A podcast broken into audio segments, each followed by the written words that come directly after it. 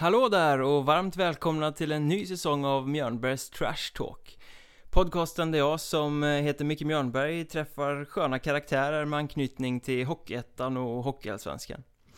Säsongen som gick blev det 25 samtal och eh, nu står vi inför en ny säsong där jag spontant känner att eh, gästlistan är väldigt stark. Ehm, men är det så att eh, ni vill önska gäster eller skrika högt om andra åsikter om podden då går det alldeles utmärkt att göra det genom att kontakta mig och det gör ni via mail, mikael.mjornberg.se Ni söker upp mig på Twitter, det heter atmjornberg, eller så letar ni upp Facebook-sidan som ni i vanlig ordning faktiskt eh, hittar genom att söka efter Mjörnbergs Trash Talk. All input är bra input, så är det. Men, först ut den här säsongen, ingen mindre än eh, Fredrik Weigel. Jag satte mig ner en ganska blåsig dag, vilket ni ibland kommer höra i eh, bakgrunden här och ehm, snackade med den inte helt okontroversiella stortalangen som körde fast i Hockeyettan i fyra långa säsonger. Innan han till slut lyckades spela upp Södertälje och nu ska ta eh, Hockeyallsvenskan med storm tillsammans med det gänget. Det blir naturligtvis en djupdykning i karriären, men ehm, ja, också reflektioner kring hans eh, väldokumenterade frispråkighet som inte alltid är jättepoppis om man eh, säger så. Vi snackar om eh, dispyter med domare, anklagelserna om att vara en filmare, den ädla konsten att trashtalka och så det där tilltaget att psyka motståndarna med en tuta. Bland väldigt mycket annat givetvis. Poletten har trillat ner, Fredrik Weigel har karriärsiktet högt ställt och eh, det ska vi få höra om nu. Nu åker vi en dryg timmes skönt tugg. Trevlig lyssning. Då sitter vi här i Farsta nära till eh, Gallerian. Jag har eh, hittat hem till eh, en av de kanske bästa spelarna i Hockeyettan förra säsongen som kommande säsong kommer prova vingarna i Hockeyallsvenskan. Fredrik Weigel. Tack. Bor man så här nära ett köpcenter så man får liksom inte ha anlag för att vara shoppingberoende. Ja, ah, det är väl inte så shoppingberoende men det är, det är väl lätt, lätt att gå ner och handla någon mat, det är smidigt och slippa laga något hemma. Så är det. Du glider ner med jämna mellanrum alltså? Ja, det brukar bli att man käkar lunch hemma och middag går man och köper något nere på centrumet. Klassisk hockeymat? Eh, jag brukar gilla thai-mat och sen pasta tycker jag är jävligt gott. Så det brukar ofta bli det på kvällarna. Gott. Eh, Södertälje gick upp i Allsvenskan. Du får äntligen spela hockey på heltid. Ja, det är otroligt roligt. Det var det var en säsong som var upp och ner förra året men jäkligt kul att vi lyckades gå upp och nu blir det bara rida vidare på den vågen och förhoppningsvis göra lika bra som Tingsryd gjorde förra året när de gick upp. Ja, det blir lite samma typ av eh, bygga av laget, behålla många spelare som, eh, som var med och avancerade. Ja, exakt. Så det, det känns bra. Det är många från samma grupp förra året och eh, det blir nog vi, vi känner varandra väl och vet våra roller så att det är nog inget, det tar nog ingen tid för oss att hitta rollerna i laget direkt utan det är bara att köra vidare som vi gjorde förra året. Men just det här att förra året så de flesta, i alla fall flera av er jobbade vid sidan av och sådär och nu får du och flera andra göra det här som ett jobb snarare. Vad, vad betyder det för, för hockeyn? Hur mycket bättre som, som hockeyspelare blir man? Framförallt blir det väl, man känner sig kanske inte lika trött som när man har varit och jobbat 7-8 timmar varje dag och sen åka och träna. Så att det, det, jag tror det kommer vara bättre träningar framförallt och bättre för alla liksom. Alltså, vissa jobbar väl fortfarande men det är ett fåtal så att det, det kommer bli bra för hela Södertälje tror jag. Att, att fokus kan vara på träning och inte bara jobb liksom. Så. Men ni körde ganska hårt redan förra säsongen. Så att hur mycket skiljer det sig egentligen nu när det är Allsvenskan som, som väntar? Nej men fokus blir väl just att, att vi kan träna hårdare just nu innan säsongen. Sen under säsongen så blir det väl kanske beroende på hur det går i matcherna och vart vi ligger i tabellen. Så att eh, fokus kommer ju vara på att vi ska vara i toppform varje match liksom. Att det, det är det viktigaste. Men ni är ändå ett gäng som bor här uppe i Stockholm nu och sitter och pendlar ner till Södertälje och träningarna och allt sånt där. Jag, jag tänker att det måste ju vara fullständigt värdelöst nu när bron är trasig och det är kaos på E4 och ligga där och kuska fram och tillbaka dag efter dag. Absolut, i början var det när, när de inte hade fixat till rondellen och allt sånt där och kunna köra över till den andra bron så var det, då tog det 3-4 timmar till en träning där på, under fyssäsongen. Så då blev det att vi fick träna i Stockholm sista dagarna med fystränare Walter. Så att det var det, det löste vi bra. Sen får vi se hur det blir nu när trafiken kommer igång. Om det blir kaos igen eller om det rullar på liksom. Tyvärr, Stockholmsmaffian kunde inte följa med på bortamatch för de tog sig inte till samlingen. ja, exakt. Det var ju någon match förra året i kvalserien mot Troja tror jag det var, så var det trafik, trafikolycka. Så vi kom en timme innan matchen började. Vi hade samling två timmar innan. Men det, vi vann i alla fall, så var det tur det. Hur var, eh, var det nervöst på tränarsidan då? Var är de någonstans? Nej, det var, det var ganska lugnt. De var förstående. Det hände några gånger under säsongen. Det är svårt att undvika trafikolyckor liksom. Ibland händer det. Står man på E4 så står man på E4 så att säga. ja, verkligen. Det, det, finns lite bakvägar men inte alla tänker på dem också så att det, det blir kö där också. Har du missat någon match någon gång på grund av trafiken under karriären? Jag menar Stockholm är ju ganska övertrafikerat. Nej, jag har faktiskt aldrig missat någon. Det, det har bara kommit jäkligt sent till någon match, men jag har aldrig missat någon match. Och sent, då missar man uppvärmningen? ja, det, det har hänt en gång kan jag säga. Det var några år sedan. Det kanske var skönt rent Ja, det, det är skönt att bara kliva ut direkt också. Då slipper man tänka så mycket. Det är bara att gå ut och köra.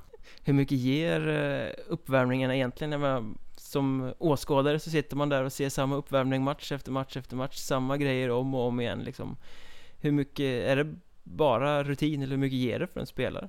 Ja, det är från spelare till spelare tror jag. Jag själv är väl det jag tycker det är alldeles för mycket. Man samlas två timmar innan och så ska man sitta i omklädningsrummet en halvtimme och snacka om, om, saker som man vet om liksom. Och sen så blir det, ska du gå ut och värma upp och sen ska du värma upp på isen. Så att det blir, det blir ganska mycket uppvärmning tycker jag. Jag skulle tycker det räcker med 10 minuter utanför och 10 minuter på. Men ja, alla olika rutiner. Jag brukar försöka göra uppvärmning så snabbt som möjligt så gör jag mitt sen och sen gå in i omklädningsrummet och ta en kaffe liksom. Men nästan eh, alla lag gör samma uppvärmning? Ja det känns så. Det är mycket lika. Några skottövningar, två mot en, tre mot två och sen är det väl lite straffar. Som vanligt alla. Men eh, det roligaste som kan hända på en uppvärmning är väl när det blir beef med motståndarlaget. Jag menar någon drar ett slagskott över rörlinjen och sen är det igång liksom. ja det, det har hänt några gånger. Det är, Mittman är väl en jävel på det, det är en gammal god vän också. Han, han hade man några duster med i år också, det är ganska roligt ändå. Som eh, spelade i Västervik då, säsongen som gick? Ja precis, nu, nu gick han väl till hästen tror jag. Ja exakt. Men vad, vad hände mer specifikt då? då? Nej men han, han, brukar stå och tjabba lite. Jag har, ju haft, jag har ju spelat med honom i Djurgården förut så att vi känner varandra väl. Men han, han brukar försöka sätta lite spiror i huvudet och samma med den här lagkaptenen i Västervik som jag vet inte vad han heter, han är inte så duktig. Englund. Ja, exakt. Ja, han brukar väl försöka psyka ut de flesta. Ja, men det, han, han snackar mer än vad han spelar hockey, så det är väl lika bra. Han får fokusera på det. Du nämnde Djurgården. Eh, det var där du kom upp, kan man säga. Mm. Eh, lite supertalangvarning på dig, nästan. Absolut. Eh, en av de bättre i Stockholm och ryktet säger att du tränar fys som en dåre och hade grymma värden på den tiden. Ja, absolut. Det är det var, det var, det gick jäkligt bra där i U18 och sen när jag skulle kliva upp i J20 där så åkte jag på eh, ett litet eh, problem där vid jul. Jag hade spelat en match och kom hem från matchen hem till min flickvän. Käkade middag och sen så ramlade jag ihop på golvet bara i köket. Och fick åka ambulans till sjukhuset. Där gjorde de massa tester och kom fram till att Eh, jag kanske skulle få lägga av med hockey. Så det var ju en tung period. Så kom de fram till att jag hade en lite för stor hjärtklaff. Att det inte, inte är någonting att göra åt egentligen, utan det är bara att köra vidare. Så jag var ju borta från hockeyn i två, två och en halv månad. Så det var ju, tappade jag ganska mycket på den tiden och tog ett tag att komma tillbaks därifrån, absolut. Men eh, de pratade om att du skulle lägga av sig. Det var hur lång tid gick du i de tankarna då? Ja, det var ju under två månader som jag inte visste någonting utan vi bara gjorde massa tester och så vidare och det var ju ganska tungt mentalt att få veta att den första läkaren säger att du kanske aldrig mer kommer spela hockey. Det var, det var ingen rolig upplevelse kan jag lova. Så att, eh, det var rätt hemskt men det var skönt att få beskedet att jag kunde fortsätta.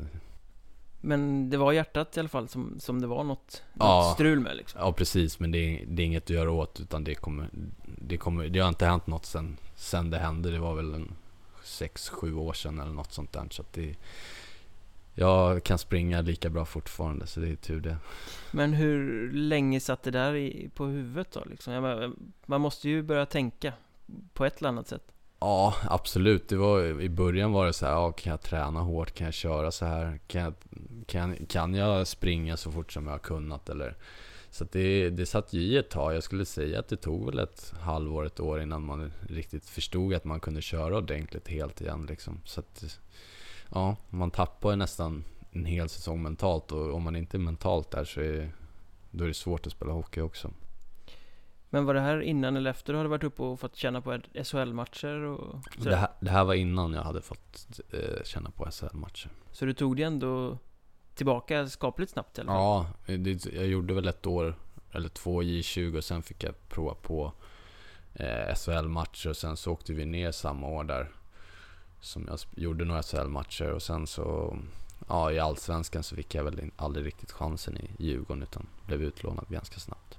Tror du att eh, karriären hade tagit en annan väg om du inte hade råkat ut för den här osäkerheten som kom i samband med hjärtproblemet? Jättesvårt att säga. Det är, det är, jätt, ja, kanske. Jag kanske hade blivit draftad eller vad som helst. Det var ju precis året innan jag skulle bli draftad har jag för mig. Så att det, ja, det är svårt att säga. Det är, jag vill inte spekulera i det direkt utan det är jag är där jag är nu. Du vill inte riskera att bli bitter för Nej, att du tänker på vad det hade kunnat vara? Ja exakt, det är inte för inte liksom Gabriel Landeskog, min, som jag har växt upp med och spelat hockey med hela livet, spelar NHL i Colorado, kapten liksom. Jag spelar Södertälje, ingen fy skam med det, men det är, det är kontraster. Lite olika verkligheter. ja verkligen, verkligen. Ja men för vi sa ju det, du var ju jäkligt bra. Eh, betraktades som en stor talang, men sen så blev du ändå fast i Hockeyettan efter det här. Vad, vad hände där liksom? Som gjorde att det stannade upp på det sättet? För det är fyra säsonger i rad nu som du har ja. harvat, om jag får använda det uttrycket, i eh, division 1 Östra. Ja, absolut. Det var... Jag var ju där i Djurgården som sagt och sen så gjorde en skitbra match mot Leksand borta. Fick hoppa in efter halva matchen, gjorde assist i första bytet. Gjorde nästa mål i andra bytet. Sen så efter matchen kommer Challe Berglund fram till mig och säger att jag ska bli utlånad. Och det tog ganska hårt på mig att, ja, nu får du välja på Vallentuna eller Nybro liksom. Och jag ville ju helst vara kvar i Stockholm då, så då blev det Vallentuna. Så kom dit, harva där i, fram till jul och sen så var det väl tänkt att jag skulle komma tillbaks till Djurgården. Men så blev det inte och jag blev kvar i Vallentuna och man tappade väl lite när man hade krigat hårt en hel försäsong och så spela fyra matcher i Allsvenskan och sen så åka till Vallentuna. Det är lite annorlunda än att spela i Djurgården. Så att det, jag tappade väl lite mentalt där, både psyke och man ser det på mina utvisningsminuter där också. Det, jag sa vad jag tyckte till domarna och det var inte alltid lika bra.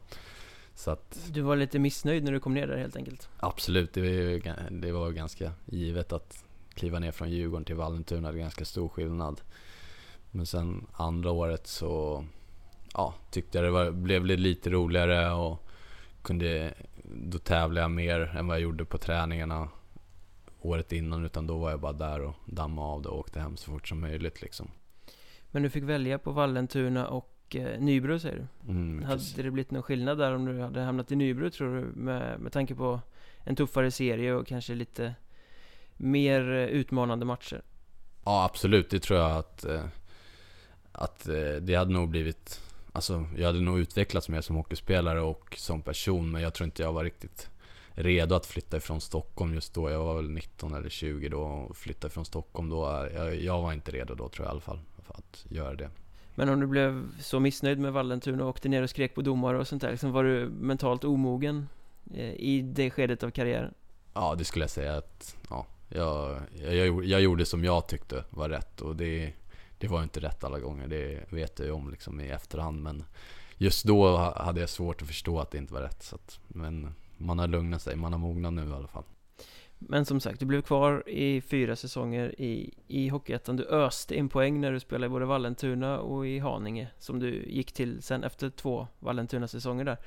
Någonstans så, jag föreställer mig i alla fall att du måste ha känt dig överkvalificerad på något sätt för att vara där.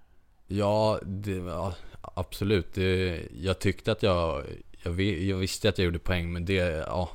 i Haninge så fick jag ju spela så, så pass mycket som jag ville och det var powerplay i två minuter och så vidare. Men det som jag tror stärkte mig att jag kom till Haninge var ju Stefan Pettersson. Gamle storspelaren som... Ja, precis. Att han, han, han, tro, han, visste, han såg ju vad jag kunde och han hade spelat i SHL och Allsvenskan. Och han, han sa vad han tyckte, kriga på liksom så kommer du få chansen i Allsvenskan. Så det var väl han som gjorde att jag la ner mycket tid i Haninge och att det gick bättre där än vad det gjorde i Vallentuna. Och jag började tycka det var kul med hockey igen. Så att jag tackar honom lite i alla fall. Så Vallentuna var lite bak, bakgården eller vad man ska säga? Ja, det skulle jag säga. Det var, I Haninge blev det roligare med hockey, det måste jag säga. I Vallentuna var det mer att ja, jag krigar på och så får vi se hur det går. Men i Haninge kände jag att ja, nu gör jag det så bra som möjligt så kanske jag får chansen i någon klubb. Och sen så såg jag att Södertälje åkte ner och det var ju perfekt. Och det var inte jag som kontaktade dem utan Valtin ringde mig och då var det bara att ta chansen. Yes. Mm, ja, verkligen, verkligen.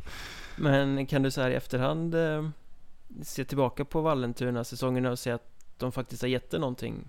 Alltså även om det var tufft då liksom, blev du mer härdad av att... Absolut, det är fan, där, där fick jag liksom där var det träning klockan åtta på kvällen och det, det är lite annat i i Södertälje liksom. Det är allt, allt är tipptopp och omklädningsrummet är tipptopp. Där i Vallentuna var det liksom en liten skrubb man kom in i och det var bra, bra stämning och så vidare men i, det är stor skillnad på Södertälje och Vallentuna som klubb liksom. Det var natt och dag. Det är, allt finns i Södertälje och TV och det finns allt. Allt finns liksom. Det är otroligt professionellt i Södertälje. Kan man inte bli lite bekväm av det? Nej, det skulle jag inte säga utan alltså tränarna och sportcheferna sätter ju press på en så att absolut, det är, jag, jag blir inte bekväm i alla fall. Jag tror inte någon annan blir det heller utan det är, vi vet vad vi måste göra varje dag för att kunna klara sig i Allsvenskan nu och framförallt i ettan förra året. Men hur är det när man spelar i en sån här eh, klubb som Vallentuna eller Haninge? Är det så att du får spela hur mycket du ville, två minuter powerplay och du fick verkligen Du visste att det var dig man lutade sig mot för att göra poängen i, i stort sett. Är det inte lätt att falla in lite i en bekvämlighetszon där liksom vet att jag behöver inte göra mer än det här för jag är ändå stjärnan som kommer få spela. Jo, men jag i slutändan så Flodin som tränare Niklas då, han, han, han satte ju mycket tro till oss men levererade vi inte så fick vi veta det. Så det, det var ju bra på det sättet. Att att han gick inte och kollade bakom, bakom ett träd när vi var dåliga utan han sa till oss när, att nu måste ni leverera liksom. Om, om vi ska vinna matcher så är det ni som måste göra målen. Och det förstod vi och det, det sätter ju press på en själv liksom. Om vi, om vi ska ta, ta oss vidare till playoff så var det vi som skulle göra målen. Och det, det, jag tycker det är kul, jag vill, ha, jag vill ha ett stort ansvar. Så absolut, jag tyckte bara det var mycket roligt. Men under de här säsongerna, efter tre säsonger så ringde Mats Valtin och där började din rise mot Stardom om vi säger så. Men, men eh, Det måste ju ha ringt en och annan gång under säsongerna Tidigare också. Men tänker, på, tittar man på På CVt så gjorde du första säsongen i Vallentuna 46 på 32 matcher. Säsongen därpå 56 på 40 matcher. Och sen i, i Haninge så 56 på 35 Det är liksom inte siffror som man, som man skojar bort. Sig med Det måste ju ha funnits intresse både från Allsvenskan och andra Hockeyettan, klubbar och sådär. Eh, andra Hockeyettan-klubbar, absolut, men inte så mycket allsvenska klubbar. Inte någon skulle jag säga. Det var någon där eh, Tingsryd rörde av sig något år och sådär när de var uppe. Men det eh, är eh, inte mycket alls, utan det var, det var mest Hockeyettan-klubbar, lite södra klubbar och så vidare. Men jag var som sagt inte mogen att flytta ner dit. Och... Men eh, vad tror du det beror på då? Jag menar, många spelare som gör så här mycket poäng blir ju nerringda. Ja, absolut. Eh, det kanske hamnade lite om mitt humör också och så vidare. Att jag ändå haft liksom över 300 minuter kanske i ettan. Och, och det är inte de smarta utvisningarna alla gånger? Nej, verkligen inte. Det är många 10 och 20 som man har gnällt på domaren liksom. Så att det sätter ju sina spår också. Absolut. Så har du haft lite av ett dåligt rykte om man säger så? Ja, jag, ja det har jag väl haft också. Att jag inte har, har varit den som har velat träna mest och så vidare. Och så har det väl kanske, det har väl stämt till viss del kanske. Men sen har jag, tag, sen har jag tagit tag i det och jag tycker väl att jag tränar väldigt hårt nu jämfört med vad jag gjort, gjorde i Haninge. Så att det, det handlar ju bara om att ta tag i det själv liksom. Men det måste ju också handla lite om ambitionsnivån i klubben, hur hårt man tränar. Alltså- absolut, alltså... absolut. I, här i Södertälje har vi tre, tre fystränare i Haninge hade vi väl en halv skulle jag säga. Så det, är, det är lite skillnad på vad, de vet ju vad man behöver bygga upp och så vidare. Så att i Södertälje, jag är otroligt tacksam med Walter Skeppar och Anders Nilsson och Tim Konradsson. De har gjort, de har gjort det jäkligt bra för alla och framförallt för mig. Frispråkig är du i alla fall. Ja. Det, det är ju eh, någonting som sägs om det i, i alla sammanhang och som du bekräftar själv också med du liksom säger vad du tycker och, och sådär liksom. Hur, hur problematiskt är det att vara sån inom hockeyn? Jag menar, här, många vill ju att man ska gå i ledet och göra sitt liksom.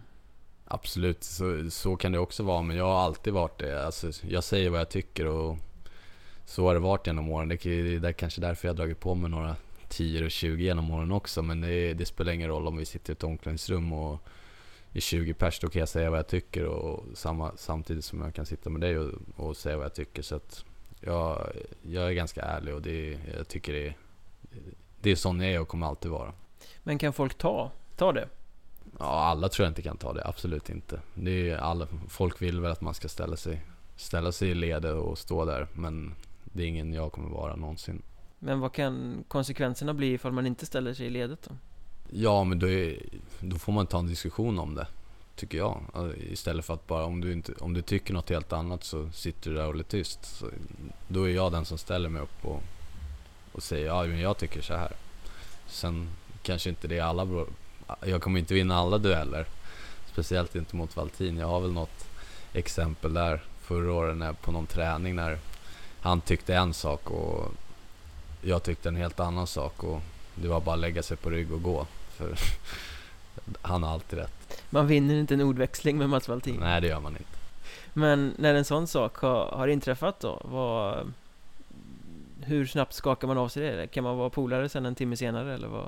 Ja, det är så, som jag säger. Alltså, det som händer på isen, det stannar på isen. Sen, och, sen, är, sen är det klart när man kommer in i omklädningsrummet, då är man polare igen. Liksom. Det var väl någon träning här nu i veckan som Måns Lindbäck försökte slå med handleden typ på träningen. Då blev det lite slagsmål och sen så Sen efter så sitter man och garvar i omklädningsrummet liksom. Men har det satt dig i eh, skiten någon gång? I frispråkigheten, alltså att du har sagt något, stått upp för din åsikt och så liksom har det slått tillbaka? Nej, inte hittills. Jag, inte vad jag varit med om i alla fall. Utan jag säger vad jag tycker och det är ingen som har...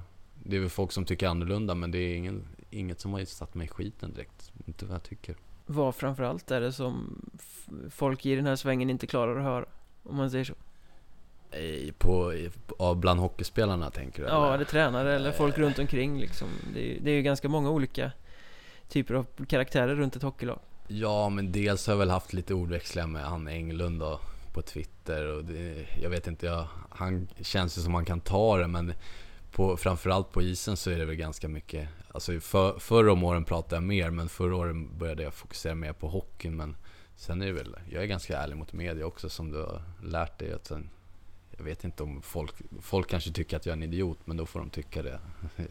Det är liksom, jag tar det som det är. Tror du snarare folk kanske kan tycka att du är kaxig? Ja absolut, det tror jag säkert att det får jag höra ofta. Men det är, jag är inte kaxig utan jag är mer, jag säger vad jag tycker. Men du har ganska gott självförtroende? Ja, det, det gäller att ha det annars kommer man inte komma någon vart. Men hur bemöts det då liksom? Ja, alltså folk, folk kan väl tycka, tycka vad de vill om mig egentligen. Jag, jag bryr mig egentligen inte så mycket vad folk tycker utan det är jag vet vem jag är och jag vet vad jag kan på hockeyplan och det är väl det jag försöker prestera. Och sen så är det väl alltid kul att lägga till någon kommentar där när man blir intervjuad eller så. Som jag tycker. Sticka lite horn i sidan? Liksom. Ja, exakt. Det var väl lite med Krupic förra året också i playoff och det, det är bara kul. Men du sa att du kanske hade lite dåligt rykte om dig. Att ja, kanske inte tränat jättehårt och var lite strulig sådär. Kände du att det förbättrades med säsongen som gick. För jag menar, när du värvades till Södertälje så var det ju jag och många med mig sa väl i stort sett att eh, ja, ja, det är en skitduktig hockeyspelare men kommer det att funka och kommer han fogas i ledet här eller kommer det att funka med Valtin liksom? Och sen gjorde du förmodligen din bästa säsong i karriären och spelade grym hockey framförallt fram i vår, eller på vårkanten där. Känner du att ryktet liksom lyfte sig i takt med att framgångarna kom i Södertälje? Absolut, det var, jag fick reda för redan första matchen, Huddinge borta, så jag har alltid stått och tjattrat lite mellan båsen och försökt psyka de andra i andra laget och så vidare. Men för, så kommer Valtin fram till mig och frågar vad jag gör. Jag står och trashtalkar lite. Ja, det får du sluta med liksom. Det gör du inte i det här laget. Så att förra året snackade jag väl så lite som jag någonsin har gjort på en hockeyplan egentligen. Så att det, jag fick reda på att fokusera på det som du kan göra istället. Det är ju de som försöker psyka dig. Så att, nej, det gick bättre och bättre och jag hade väl bara en 20 tror jag förra året. Det var väl mot Troja borta men då, då var domaren värde. Det var en solklar utvisning i förlängningen och ja, matchen var slut så att det... Ja, du landade på 62 minuter sammanlagt i, i eh, serien och sen eh, 12 i playoff och, och kval. Så det är Ja men då var det 30 mot Troja där, så det var en 10 och en 20. Så det, det var bättre än tidigare år, verkligen. Väldigt eh, lite jämfört med tidigare. Ja, verkligen. Men eh, sitter det inte i ryggmärgen det där att man ska tjata liksom? Går det bara att stänga av det om tränaren säger till en? Ja, jag har sån respekt för Valtin att, att eh, det, det, hjälper inte att tjattra. Om jag fokuserar på att spela hockey, det är väl det jag är bra på, att hålla puck och fördela puck. Så att det är väl bättre att jag fokuserar på det än att åka och tjattra och fokusera på sånt. Så jag tror jag lärde mig mycket, jag mognade mycket som person. Bo, eh, som hockeyspelare och som person verkligen förra året. Jag tog ju mer och mer ansvar defensivt än vad jag gjort i eh, Haninge. Liksom. Där var ju backcheck existerade inte. Ja, var du ens på egen sida rörlinjen? Nej, exakt. Så att det, ja, om man inte backcheckade förra året, då fick man höra det. Och jag förbättrade försvarsspelet enormt också. Så att det var, allt utvecklades förra året.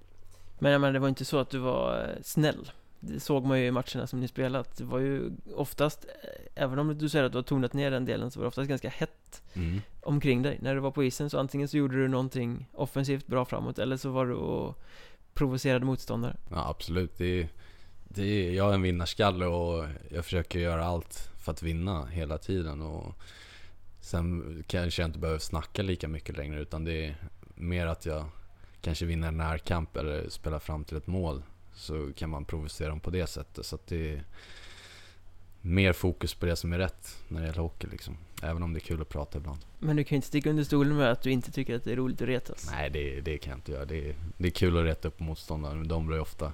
Jag åker mest och garvar därifrån, men medan vissa kan bli jävligt arga. Men blir man mer tänd av det liksom? Som, som spelare själv? Jag kan, jag kan tycka det är kul när någon någon åker och letar tacklingar på en och så får man snurra upp dem i hörnet. Det är ju det, är det roligaste jag vet. Har du något bra exempel från säsongen som gick? Ja, men han Kruppers blev ju uppsnurrad några gånger. Och eh, Englund... I Kristianstad? Ja, exakt. Och sen Englund tyckte väl att jag filmade till slut för att han inte hängde med. Så det, det, var, det var ganska kul att rätta upp honom också. Han har ju skrivit något blogginlägg om mig i år också. Så det är väl det blir väl kul att se hur han är i år, när vi möts. Ja, det var några stycken som tyckte att du filmade. Ja, jag, jag, jag, det är något jag aldrig kommer göra på en hockeyplan. Så det, det, det, kan de, det kan de få tycka, men ja. Jag, är väl, jag har väl ganska snabba vändningar och om folk trycker till en i ryggen då så kan det ju bli att man tappar balansen, absolut. Men det är inte så att jag skulle aldrig filma på en hockeyplan. Väger för lite så du faller som en vante. ja, exakt. Jag, nu väger jag mycket mer i år, så nu kommer jag stabil vet Men, men eh, skulle du påstå att du tillhör den kategorin av spelare som inte är jättepopulär bland motståndarna? Ja, jag tror inte jag. Det, det, det tror jag verkligen. Jag är väl nog en...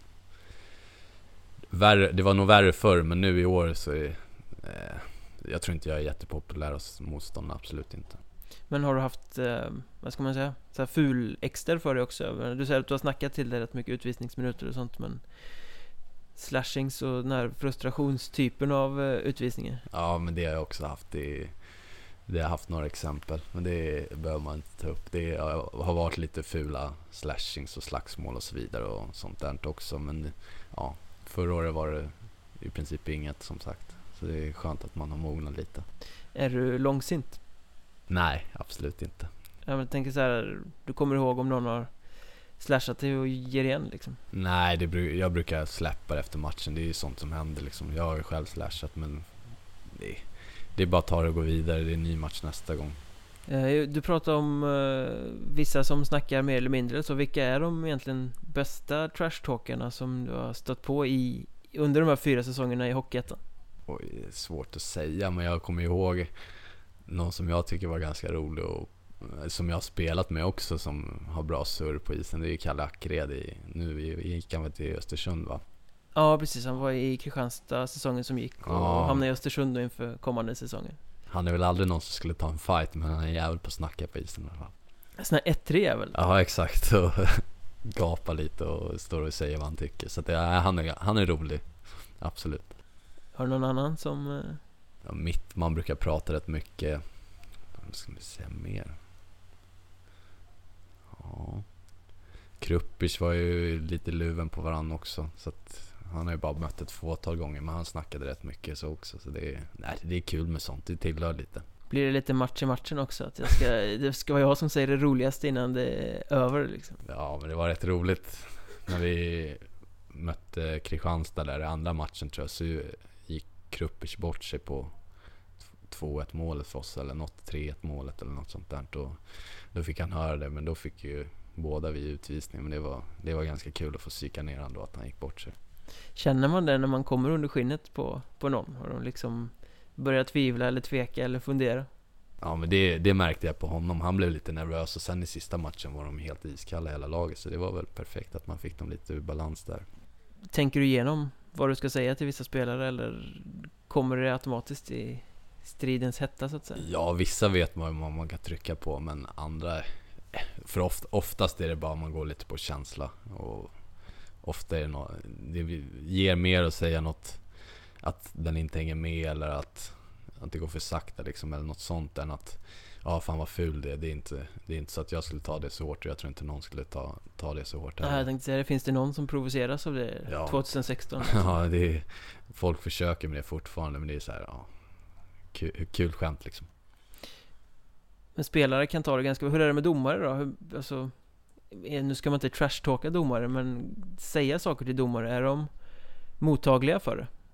Nej, jag skulle, det är ju roligt att kolla på NHL tycker jag. Där kan de ju stå och gnälla på varandra hur som, domarna och spelarna. Men här i Sverige så är det, säger man något till domare så är det, ja, då är det 10 minuter liksom. Det spelar ingen roll vad man säger. Så att, nej. Vissa domare kan väl ha en bättre nivå än andra. Så är det, men ja. De flesta vill nog inte höra så mycket skit om sig själva domare. Då tar de en 10 hellre liksom. Du har varit eh, fyra säsonger i samma serie också. Känns det som att de hade koll på det nu i sista säsongen liksom? De, folk, lin, framförallt linjedomarna, eh, började vad fan har hänt med? Vad fan, du har ju lugnare i år. Så att, eh, det var ganska kul att få höra det. Du, du snackar ingenting. Så, att, så att det, det var kul att höra att de sett att jag lugnar mig i alla fall. Även de såg förändringen Ja. Ja, verkligen. Man har lite bättre kontakt med linjedomarna än huvuddomaren tycker jag i alla fall. Ja, det är mer de som ska gå emellan eller? Ja, och lite mer, de är lite mer avslappnade än huvuddomare också. Lite mindre ansvar där ute. Ja, exakt. Men du sa att eh, Valtin sa till dig i premiärmatchen mot eh, Huddinge. Mm. Stå inte här och, och gaffla liksom. Mm. Eh, Hur, hur eh, populärt var det när du fick en tia i powerplay för att tugga på tandskyddet? Ja, det, det, det, var, det tyckte jag var det mest pinsamma i år. Alltså, jag förstår inte hur... När man står liksom, om man inte ens är närkamp och så har man tandskyddet utanför så får man en tia. Det, var, det blev för låg nivå, men sen så släppte de ju på det. Det var väl första omgångarna, men sen... Ja, ska man åka och leta om någon har tandskydd i munnen? Är det inte bättre att fokusera på hockeyn liksom?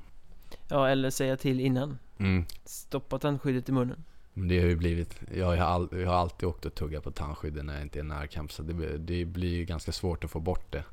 Men ja, i slutändan så funkar det men det tar ju sin tid att nöta bort det där att man ska ha tandskydd i munnen. Hur förvånad blev du? Jag, jag trodde det var någon crosschecking eller någonting framför mål så får man en tia för att man står och tuggar på tandskydd i powerplay. Det var, äh, det var lite, lite pinsamt men ja, som sagt vi, det var väl, stod väl 5-2 så jag kunde inte bli jättearg. Så det var, det var tur det. Hade det stått 2-1 till dem och, och fem minuter kvar så hade jag väl, då hade jag väl åkt en 10 och en 20 där kan jag säga. Ja, men du var väl tredje man i, i eh, matchen och blev utvisad för samma sak tror jag. Ja, ja Måns och Kim Lennhammer hade väl också fått tio innanför. Så äh, pinsamt att åka och leta efter sånt tycker jag. En annan match i samma hall där, Björkängshallen, eh, fick du inte vara med överhuvudtaget. Då hade du också dragit på dig något märkligt eh, matchstraff eller någonting i, när ni playoff-spelade med Haninge Ja. mot Huddinge. Det var ju också, det var ju otroligt att jag kunde få Jag fick sju matchers avstängning för ett slagsmål som inte ens... Det var ju för att McCarthy, domaren där, och jag kom väl inte direkt överens. Och så... Jag kommer ihåg att du var väldigt eh, arg på Twitter efteråt. Ja, men jag, det var... Det var liksom, vi hade vunnit första matchen hemma och det blev slagsmål och jag får en 20 för att han anser att jag crosscheckar honom i huvudet och sen blir jag avstängd i sju matcher när man ska spela de roligaste matcherna för hela året. Jag hade, tror vi hade haft chans att slå ut Huddinge, men ja, tyvärr så blev man ju avstängd i sju matcher. Det var ju, tog rätt hårt på en. Ja, hur länge, lång tid tog det innan en sån grej släpper liksom? Nej, jag, jag och McCarthy kommer nog aldrig prata med varandra i alla fall om jag har han som domare. Ryktet säger att du satte dig bakom uh, Huddingebåset med en tuta matchen efter. Ja, absolut. Det stämmer. Vad- Vad hände där då? Vi pratade faktiskt om det igår på träningen med Falken var ju tränare där och nu är han våran tränare. Han, var, han sa att han inte tänkte på det så mycket så var, jag vet inte. Jag, blev, jag skulle provocera lite, jag var lite lack. Men var, var det en sån här gastuta eller vad, ja exakt, vad hade du? oh. Satt och tuta Konstant. Första perioden i alla fall. Sen stod det väl 6 efter, 6 efter, efter två perioder, det var inte så mycket att göra åt. Vad, eh, märkte du någon reaktion? Ja, deras material var helt tokig men det... ja, man har gjort lite dumma grejer som sagt. Ja, jag tycker det har varit roligt faktiskt Men alltså, vad sa egna laget om det? Liksom? Nej, de, de garvar, de vet att jag är en udda individ liksom, så att de, de skrattar väl mest. Men det brukar vara rätt mycket hyss vid sidan av från, från din sida sådär liksom Ja, men jag tycker det är kul att prata lite och sådär som jag har sagt tidigare. Det är kul att provocera lite. Vad hade Valtin sagt om du hade satt dig med en tuta bakom båset i playoff? Nej, han, jag hade nog aldrig gjort det under hans ledning. Men i Haninge fick du fria tyglar så att säga Nej, det vet fan, men jag tog mig, tog mig själv tyglar där tror jag. Du har alltså lugnat ner dig, det låter ju så Ja, det har jag absolut gjort. Det, det har jag verkligen gjort. Men vi, vi hänger oss kvar vid Valtin här då, för du pratar ju mycket gott om honom. Du vet att du sa under förra säsongen att du växte väldigt mycket under hans ledarskap. Kan du liksom beskriva lite vad som, vad det var som hände? Alltså, vad, exakt vad var det som gjorde att du växte under honom?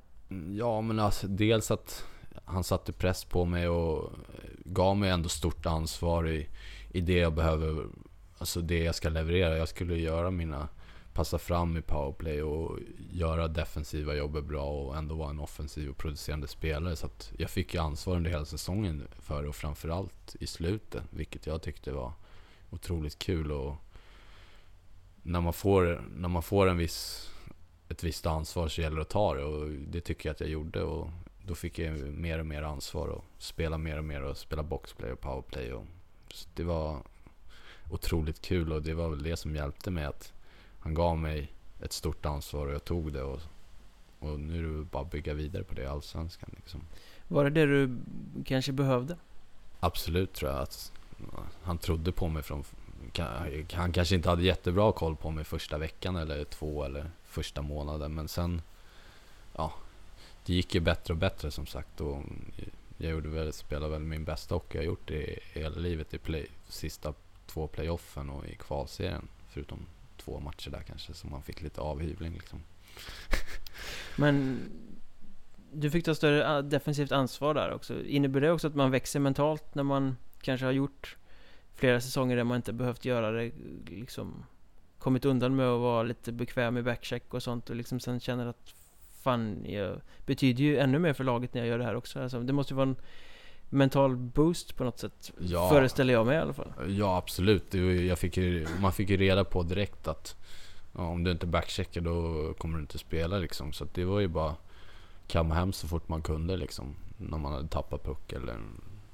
och så vidare. Så att eh, nej, det var, det var bra att han, att han var ty, rak och tydlig från början med alla. Utan det spelar ingen roll om du heter Jonas Westerling eller om du heter en fjärde lina spelare liksom. Är- du ska backchecka lika hårt vem du än är. Så det, det var, nej, det var bra att han var tydlig med det från början liksom. Så då satte alla sig innanför ramen och gjorde det man skulle i backchecken liksom. Det var väl det som gjorde att vi klarade oss så bra ja, i kvalserien sen tror jag. Ja, för ni spelade ju inte direkt lysande försvarsspel under första halvan av säsongen om man säger så. Nej, vårt boxplay var väl under all kritik också under stort sett hela säsongen. Men det är, i 5 mot 5 spelet så blev vi bara bättre och bättre och i kvalserien tycker jag att vi spelade hyfsat bra kval, eh, försvarsspel ändå. Folk tog sin roll och alla gjorde allt för laget. Så det var, nej. Det blev bra till slut ändå. Men hur mycket bättre hockeyspelare är du idag då, om vi jämför med vid den här tidpunkten för ett år sedan ungefär? När du precis gick på is med Södertälje som Hockeyettan-klubb. Oj, jag har utvecklats enormt mycket skulle jag säga. Det är, det är natt och dag. Jag utvecklades mest från, från jul och, och fram mot kvalserien. Så att det är, men ja, nu är jag väl en mer komplett hockeyspelare. Innan var jag väl bara en offensiv spelare. Nu, nu kan jag göra mitt jobb i försvarsspelet och spela boxplay på ett bra sätt och så vidare. Så att, ja. Är det roligt att spela försvarsspel? Ja, det är inte roligare att ha pucken, absolut. Men, men eh, det gäller att försöka vinna pucken så fort som möjligt så man får spela anfallsspel. Så att jag tycker våran femma lyckades med det ganska bra förra året. Vi var inte så mycket i försvarszon utan det blev mer, mer och mer spel i anfallszon ju längre vi, vi kom och framförallt i kvalserien där vi knappt var i egen zon tycker jag. Ja, du spelar med Anton Holm och Henrik Nyberg. Mm, precis. Skaplig kemi kändes det som att ni hittade ja. i den kedjan. Ja, verkligen. Vi var väl, jag tror det var den enda kedjan som höll ihop nästan hela säsongen. Så att, eh, det var, det var otroligt kul att komplettera varandra jävligt bra. Anton som hade ett oh, ruggigt skott liksom, kobran. Som han kallas i laget. Och eh, Nyberg har också ett bra skott, men han var väl mer den som jobbade hårt och fixade fram pucken och sen så skapade vi därigenom. Så att, nej, vi fick en bra sammanhållning och roligt att spela med båda två. Jag tror Nyberg beskrev det hela som att jag gräver fram pucken till Weigel som passar till Holm som gör mål. Ja, typ så. Det var många sådana mål under hela säsongen faktiskt. Så det var, nej, det var jävligt kul. Har du spelat i någon kedja som liksom klickat så bra någon gång? Nej, inte med en hel kedja utan det har mer varit att man har klickat med en person och det har ju varit när jag var i Djurgården så var det med Stefan Söder som nu är i Troja.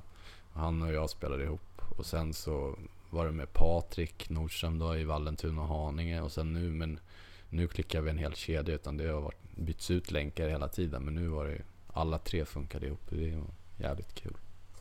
Det låter som att du har eh, stenkoll på alla gamla spelare du har spelat med och var de befinner sig och sånt. Följer du mycket vid sidan av, bortsett från din egen hockey? Liksom?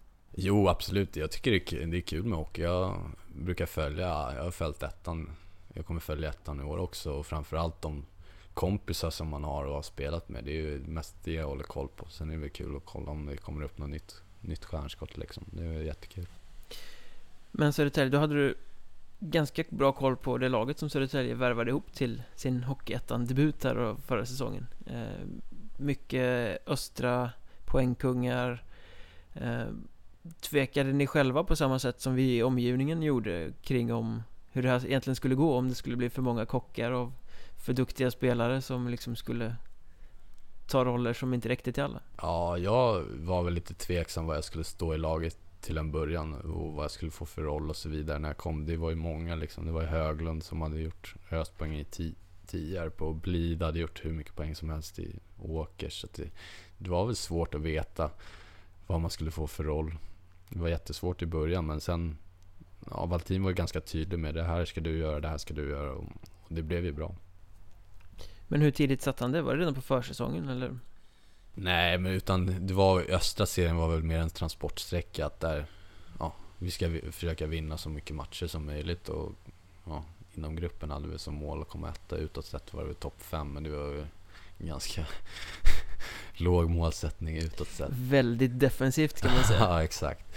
Så att, eh, nej men det blev mer och mer ju längre in vi kom i säsongen. Men i slutet på, på Östra skulle jag säga att alla hade accepterat sin roll och förstod sin roll. Och sen mer i allettan, vi fick en hyfsat bra start. Sen så 0-6 borta där mot Västervik, då var det väl oh shit, vad fan, vart står vi någonstans? Men vi hade svårt mot Västervik hela säsongen då, samtidigt som de gjorde jävligt bra. Ja, de gick ju precis som ni hela vägen till, till Allsvenskan. Så. Ja.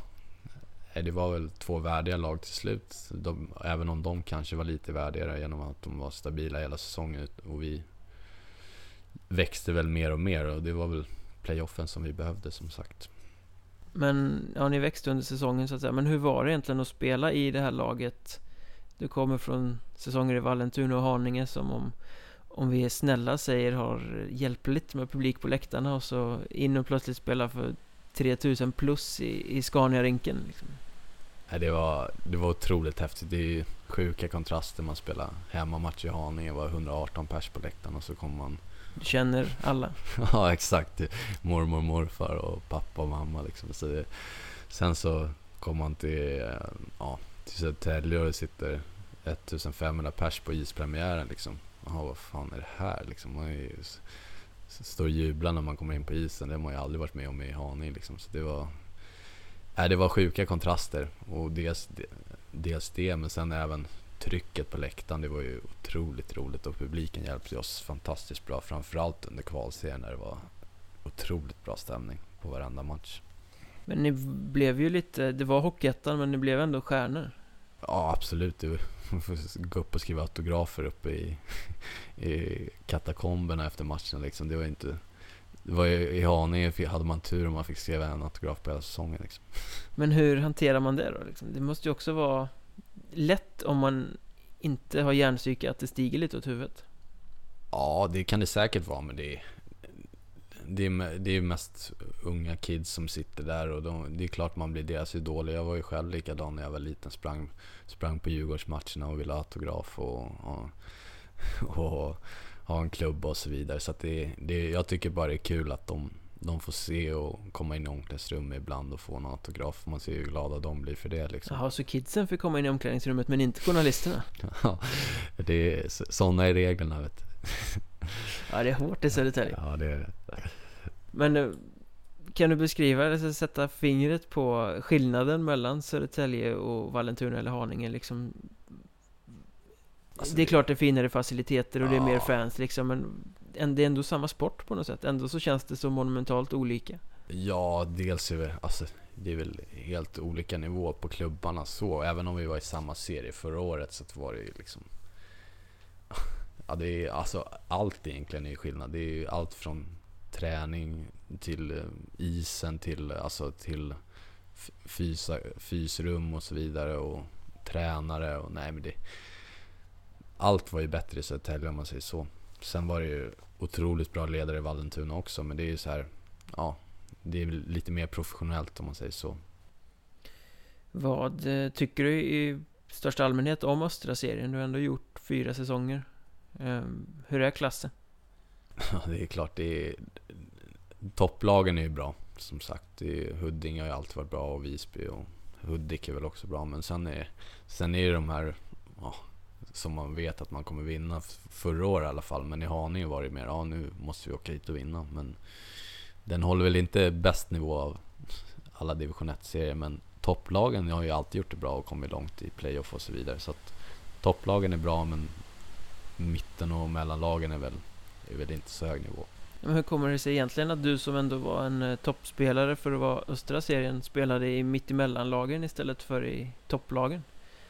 Alltså, du spelar Vallentuna, du spelar Haninge, du hade lika gärna kunnat spela i Huddinge eller någonting och Innan du gick till Södertälje nu då, för då blev ja, det ju topplag. Absolut, ehm, jag vet faktiskt inte vad det berodde på utan Jag fick eh, I Vallentuna så, jag blev, att jag blev kvar var väl att jag trivdes ganska bra med tränaren och så vidare att Det var Alltså, ja, och sen så kom, fick jag hitta bra kemi med de som jag spelar med så att jag tänkte väl att det skulle kunna ta mig vidare. Sen så, jag fick, Huddinge hörde jag aldrig någonting av förrän sista åren när Södertälje hörde av sig också. Så det var mer att, ja, det var ingen som hörde av sig direkt. Så det var, det var mer, mer nere i söder att det var några lag där, men det var inget i östra av topplagen. Det är det där ryktet igen då kanske? Du hade sämre rykte i Stockholm än vad ja. du hade i, ute i landet? Ja, exakt. Det måste varit så.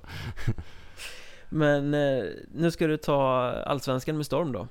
Är, är tanken. Ja, jag hoppas på det. Jag hoppas att det ska bli en lyckad säsong. Det är äntligen dags att säga, men kan du känna att du har kastat bort några år ska man väl inte säga Men att det har tagit lång tid för dig att ta dig dit När du faktiskt nästan var där redan som junior Ja, man är väl en late bloomer får man säga. Nej jag skojar. Nej men det, det, har, ja, det, det känns som man har kastat bort några år, absolut. Men jag kunde ha gett, kunde ha varit här tidigare men nu är det bara att göra så bra, bra man kan nu och förhoppningsvis så får man väl spela högre upp om något år eller två. Eller man får se hur det går. ja, Vad tror du om nivån nu när du ska kliva in i Allsvenskan? Du har ju ändå inte spelat här på, vad blir det, fem, sex säsonger?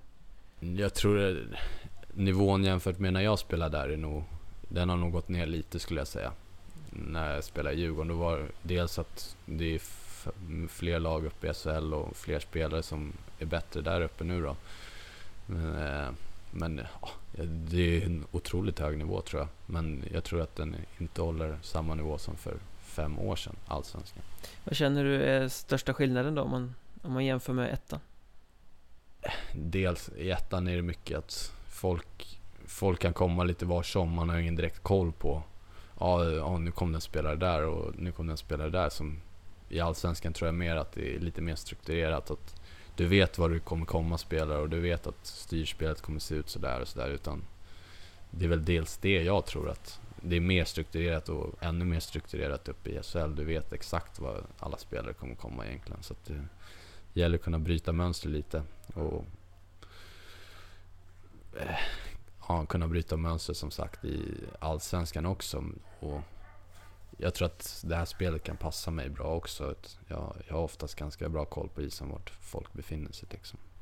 Men det blir nya motståndare att lära sig psyka Ja absolut. Det, det är några n- tio nya lag så det blir väl en utmaning det också. Jag känner, man känner ju till vissa i vissa lag så det blir, och sen känner man ett gamla, en massa gamla polare i Allsvenskan också så det blir, det blir kul hur som. ja, Alla har alltid spelat med någon i något juniorlag någonstans Ja. Dammen är ganska liten ja exakt, det är ju så. Man har ju mö- säkert mött ett 50-tal spelare i Allsvenskan genom åren ändå. Så.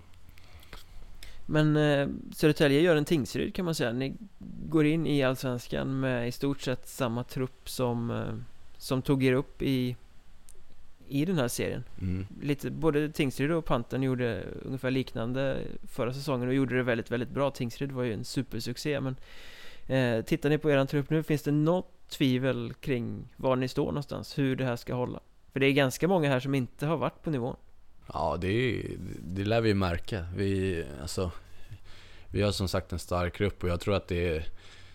Vi kanske inte har det bästa laget på pappret men med betoning lag så har vi ett starkt lag. Liksom, att vi har en kärna och, en, och sen har vi fyllt på med bra spelare nu. Så att det jag tror att vi som lag kommer vara jävligt starka och det betyder mycket. Det såg man ju bara på Tingsryd förra året. De, inte, de var väl inte direkt det starkaste laget på pappret utan de var ett lag. Och det är, det är väl det hockey handlar om egentligen. De underkastar sin spelidé väldigt, väldigt hårt Ja, exakt. Och det är väl det vi måste göra i år också för att lyckas. Fast med det här materialet har ju i alla fall jag, jag har i och för sig haft fel förr men jag har svårt att, att se att ni ska kunna spela ett lika utpräglat defensivt spel som till exempel de gjorde. Ni är ett mer kreativt lag. Absolut, det tror jag säkert. Eller jag har ingen direkt koll på vad de hade för lag förra året, men jag såg bara att det gick bra för dem. Men, men eh, som sagt, vi, vi kommer försöka spela en så rolig hockey som möjligt och spela så bra defensivt som möjligt. Så sen handlar det om att vinna matcher. Det är det hockey handlar om. Sen behöver det inte alltid vara lika vackert som det var förra året kanske. Att, Nej, förra året hade ni ju inget val. Ni var ju tvungna att driva matcherna eftersom ni var ett mycket bättre lag än motståndarna. exakt, nu kanske vi kan spela mer på kontring och det är på bortaplan. På hemmaplan har vi ett starkt spel, det vet vi om. Och på bortaplan handlar det ju bara om att ta så många poäng som möjligt. På hemmaplan vet vi att vi kommer plocka poäng i slutändan. Så ni går in med lika stora förhoppningar som supportrarna. De som nu tror att ni är världsmästare igen bara för att ni var så bra förra säsongen. Ja, vi, vi går väl in med lite, lite lägre huvud än vad de gör. Det känns som de går in med topp tre inställning och det är, Jag ser att vi ska, vi ska etablera oss i Allsvenskan liksom. Det är, vi, ska, vi ska göra så bra som möjligt. Självklart ska vi sikta på playoff och komma topp tre men det gäller att ha lite perspektiv också. Det handlar mer om att kanske komma på en bra placering istället för att få spela en kvalserie. Men det måste ändå vara rätt lustigt, jag säga, men roligt med de här supportrarna som brinner så våldsamt mycket och som tror så infernaliskt på laget, även om det är samma lag som i fjol. Ja, det är, det är otroligt kul. Alltså, det, det måste vara boost i ryggen. Så. Absolut, det finns ju otroligt många hängiven supportrar som åker på i princip varje match. Och det är klart det är jättekul. Sen, finns, sen är det inte alltid lika roligt. Det är, när man har vunnit en match så är man som sagt, då är man bäst. Och sen när vi har förlorat en match så är vi totalt kassa. Så jag brukar undvika Twitter när vi har förlorat en match. Liksom. Twitter har vi nämnt några gånger nu, men det tål väl att frågas också hur kul tycker du det är med sociala medier och liksom förlänga spelarpersonligheten även utanför isen? Jag, jag twittrar väl inte jättemycket men det, jag tycker det är kul att läsa mest och se vad folk tycker. Det, det tycker jag är kul men sen som sagt jag undviker det när vi har förlorat en match. Då, då är man inte värd någonting. Sen har vi vunnit en match, då är vi, då är vi världsmästare igen. Så det, det är kul.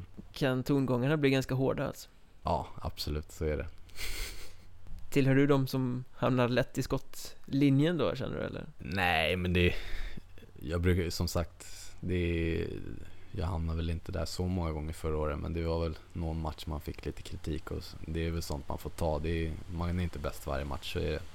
Äh, nu är det Hockeyallsvenskan och då är ju befogat att kritisera mer i och med att det är ett jobb. Absolut, så att, ja, man får väl ta, se hur det går i år. Om vi är helt värdelösa i år så får man väl ta lite mer skit då.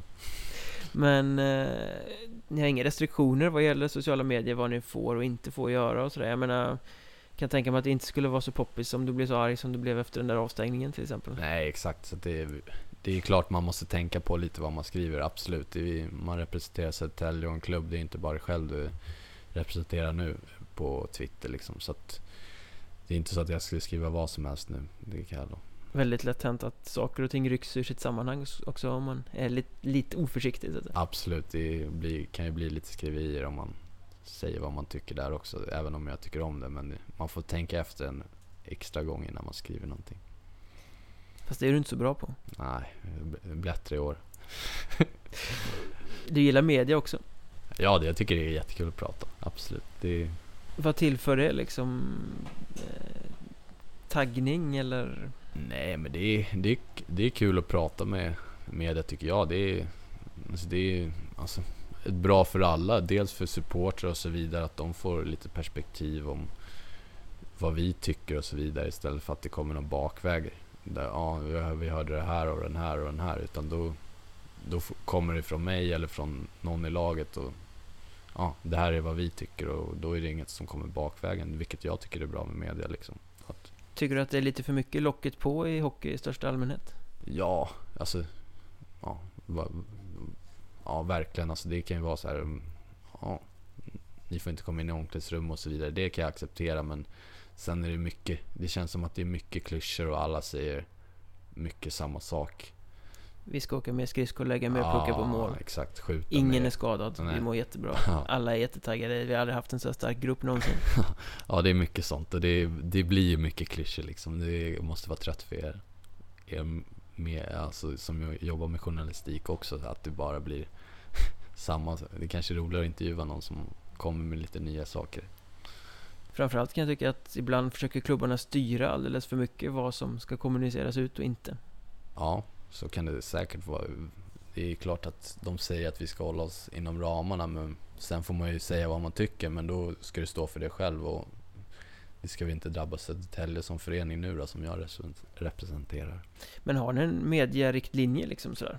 Nej. Eller det, det är upp till var och en efter eget eh, ja. omdöme liksom? Ja precis, så är det mer varit utan det är, ja, Tänk på vad ni säger och vad ni tycker och, och så vidare. Men man får ju säga vad man tycker själv men det är inget så här, ja du får inte säga det här och inte det här. Det får lite större proportioner när man spelar i Södertälje än när man spelar i Vallentuna. Några fler som är intresserade av Södertälje än Vallentuna. Allsvenskan som sagt, om vi backar tillbaka dit. Eh, det är ett steg upp för dig eh, nu, men eh, jag kan ju tänka mig att det är inte målet. Nej, alltså, hur, långt, hur långt kan du räcka liksom? Var, var siktar du? NHL är väl kanske borta men... Ja, jag skulle... NHL är väl inget jag... Jag tror inte mitt spel skulle passa där heller. Så att mer komma... Gör, försöka göra så bra som möjligt nu och komma upp i SHL, antingen med Södertälje eller något annat lag där. Och sen kanske man får väl sitt, sikta på någon så här Schweiz eller Ryssland eller något sånt där. Det skulle vara kul att prova på om man lyckas komma dit. Då måste du lämna Stockholm. Absolut, det är inga problem. Du har kommit dit nu alltså? Ja, det... nu, jag säger det, jag har mognat. Eh, men känner du någon, vad ska man säga, bitterhet är väl ett, kanske ett eh, lite starkt ord men eh, lite så här kontra Djurgården i och med att du petades ner i Vallentuna och sen kom du liksom aldrig tillbaks? Ja, det, det var väl dels att jag och Kjelle Berglund kom väl inte jättebra överens. Så att, eh, men det är klart jag... Klart jag var bitter i början men nu är det bara ta ett nytt steg och försöka göra det så bra som möjligt här. Det är inget jag kan göra åt att jag är, inte är tillbaka i Djurgården. Utan det är bara att göra så bra man kan nu liksom. Så kanske man är tillbaka i Djurgården, det vet man ju inte. Du skulle inte ha någonting emot att flytta tillbaka till Djurgården och göra SHL-debut som senior i deras Nej. tröja? Nej, absolut. Jag har inget emot Djurgården som så. Det är, jag har hållit på Djurgården i, sedan jag var fem år, så det, det är inget jag skulle ha emot liksom. Hade det då inte blivit konstigt att spela mot Djurgården i någon annan tröja? Nej, då kanske man hade haft lite mer... Då får man ta på sig det här masken att man, nu är man bitter på Djurgården för att man inte fick vara där liksom. Så att... Allt är Challe Berglunds fel? ja, exakt. Och han är inte kvar där längre så det, man får väl se var det hamnar. Vad var det som inte funkade där då? Nej, men det var väl ganska dålig kommunikation mellan oss och jag vet inte, jag tror inte han gillade mig som person eller hockeyspelare överhuvudtaget. Så det blev väl lite dispyter där och sen hamnade jag i Vallentuna liksom. Om det hade varit en annan tränare så hade karriärvägen kanske sett annorlunda ut?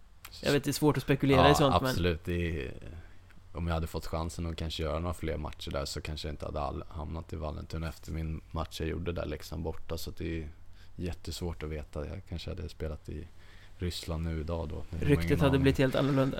ja, exakt.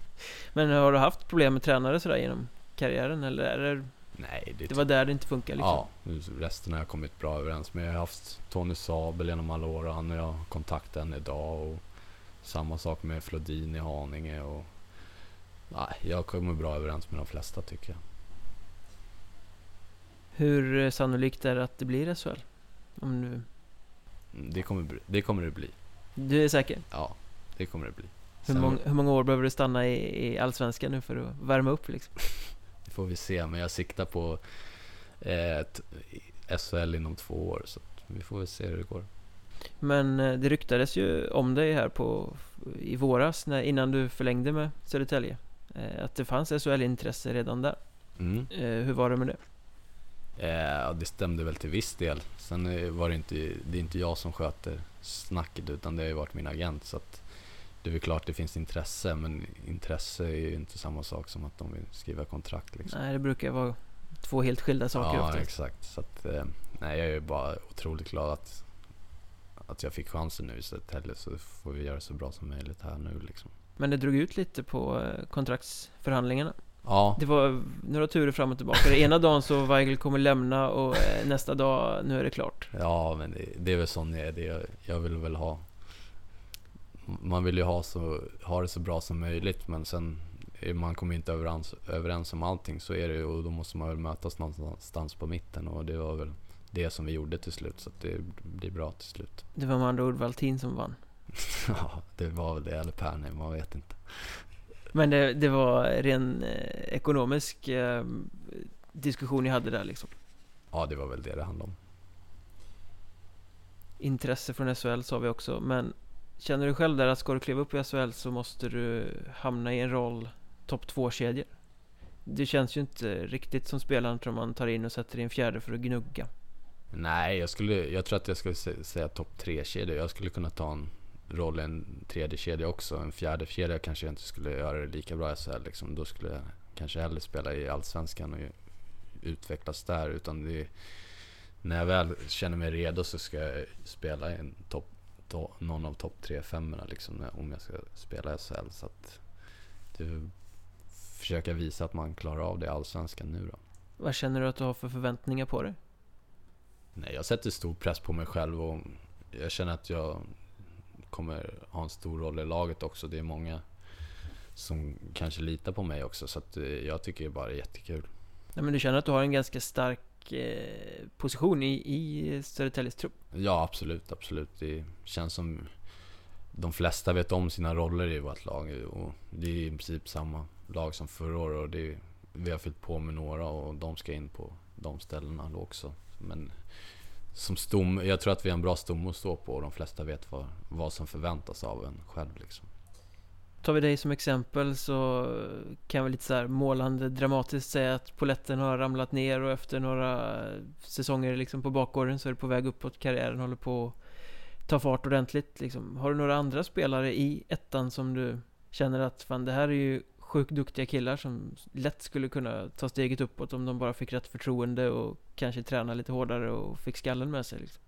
Ja, absolut. Eh, dels tycker jag Stefan Söder är värd en chans. Ja, han har tröskat länge med ja. Kriff och nu tror jag utan att det liksom vart grym utan att det hände något liksom. Absolut. Skulle han, skulle han bli lite bättre skridskoåkare så skulle han göra det jättebra i Allsvenskan tror jag absolut. Sen eh, han kanske får chansen nu och de kanske går upp med Troja, det vet man ju inte. Men han tycker jag framförallt har alltid krigat på och alltid varit seriös och alltid krigat. Han gör sina poäng varje år. Så att han tycker jag har varit värd en chans, absolut. Sen är det svårt att säga vilka mer jag tycker. Men det, det finns ju många otroligt bra hockeyspelare som jag tycker... Jag tycker ettan håller en högre nivå, topplagen, än vad allsvenska, kanske sportchefer tror. Mm, definitivt. Ja, så att... Eh, folk satsar på amerikaner istället för att plocka in någon som är tio gånger så billig och så gör samma jobb om inte bättre. Liksom. Så det, nej, det finns många, men det finns mycket att lära bland sportchefer också. Jag tror att de måste kolla mer på division 1-hockeyn i Allsvenskan och i Elitserien också. Det är inte så stort steg egentligen. Ja, Södertälje-laget som gick upp nu är väl ett bevis så gott som något. Det var ju nästan enbart Hockeyettan-spelare som värvades mm. ihop där. Exakt, och vi gick ända upp. Så det, det finns många bra spelare och framförallt topplagen så finns det många bra spelare som skulle ta en plats i Allsvenskan alla gånger tror jag. Sen gäller det bara att få chansen. Ofta blir det så att man får börja en tredje eller fjärde femma. Sätt dem i en första femma eller andra femma som de har gjort när de har spelat i Hockeyettan. Så ja, ge dem chansen. Ja, folk värvar lite för lite utifrån roller ibland. Ja. Kan det kännas som. Ja, man bara tar någon på CVt och sen så Ja, okej, du har gjort 50 poäng men nu ska du gnugga. ja, exakt. Så det, det, det är så, det är det som är, blir konstigt. Det är, jag tycker om du ska värva någon som har gjort 60 poäng i ettan så ska du ge honom chansen till en början i alla fall i, i en topp, topplina och låta han spela powerplay om han har gjort det. Så att det gäller att få chansen där också. Våga ge dem chansen. Det är väl det Skellefteå, jag tycker Skellefteå är otroligt bra på det och lyckas otroligt bra. Bara John Norman känner jag väl liksom sen, sen Djurgården och, och så vidare. Så att han fick ju verkligen chansen där och lyfte sig otroligt mycket. Och det är bara att kolla på sånt. Nu spelar han i Ryssland liksom från att ha harvat i Djurgården och gjort, fått spela en fjärde femma liksom. Man ska ju egentligen säga till folk då att ge inte upp. Nej, exakt. Det är det det handlar om. Samtidigt finns det väl de som man borde säga ge upp till också? ja, det är, man har mött några genom åren. Då har de fått höra det också. Har du några exempel? Nej, det tänker jag inte nämna här. Jag vet inte, men vissa kan jag tycka, ja, jag förstår inte varför du håller på med hockey. Det är klart det är kul, men... Kliv ner i korpen? Liksom. Ja, typ så. Men vi ska börja knyta ihop det här snart. Men eh, pratade lite om poäng och sådär också. Och vi konstaterade innan vi började spela in här att eh, du gör mindre och mindre mål för varje säsong som, som går. Men eh, det är ändå så att om man tittar på statistiken så är det assisten som är övervägande. Och i fjol så tror jag, jag är inte helt säker, men jag tror att du satte rekord i Södertälje va, för mest assist på en hel säsong. Ja. Så den givna frågan är ju, alltså vad är grejen med att passa istället för att skjuta? Nej, jag vet inte. Jag, dels har jag ju inget skott som är sådär beryktat riktigt, utan det... Det är ingen häst som sparkar? Nej, det, så är det verkligen inte, utan och sen tycker jag det är roligare att passa. Jag tycker det är otroligt roligt att passa fram till mål, ett öppet mål eller en bra pass och det blir mål. Så det, det har blivit min grej att passa före skjuta. Och det, det är inte alltid lika bra men ja, jag är ju hyfsad på att lägga passar i alla fall. Men vad är det som är så roligt med att passa? Nej, jag tycker det är roligare när andra får göra mål och, och sen, alltså Sen är större chans att det blir mål om jag passar än om jag skjuter. Är skottet så dåligt alltså? Ja, det är katastrof. Så dina mål är inte de här vackra skotten från distans om man säger så? Men förra året gjorde jag sju mål. Jag tror att det var två på retur, tre öppen kasse och ett slagskott eller något sånt där. Så det var det, var det jag gjorde förra året. Kommer du ihåg alla dina mål? Förra året kommer jag ihåg alla. Men, Det är värre från Vallentuna-säsongen när du gjorde 18 ja, kanske? då, då kommer jag inte ihåg ett enda. Fan, då small det i varenda match. Men kan inte det göra dig begränsad som spelare då? Att motståndarna vet att du kommer passa? Kanske börja skjuta i år. Vi får se, det blir spännande att följa. Ja. Vad kul att du vill vara med. Tack för att jag fick vara med. Jättekul.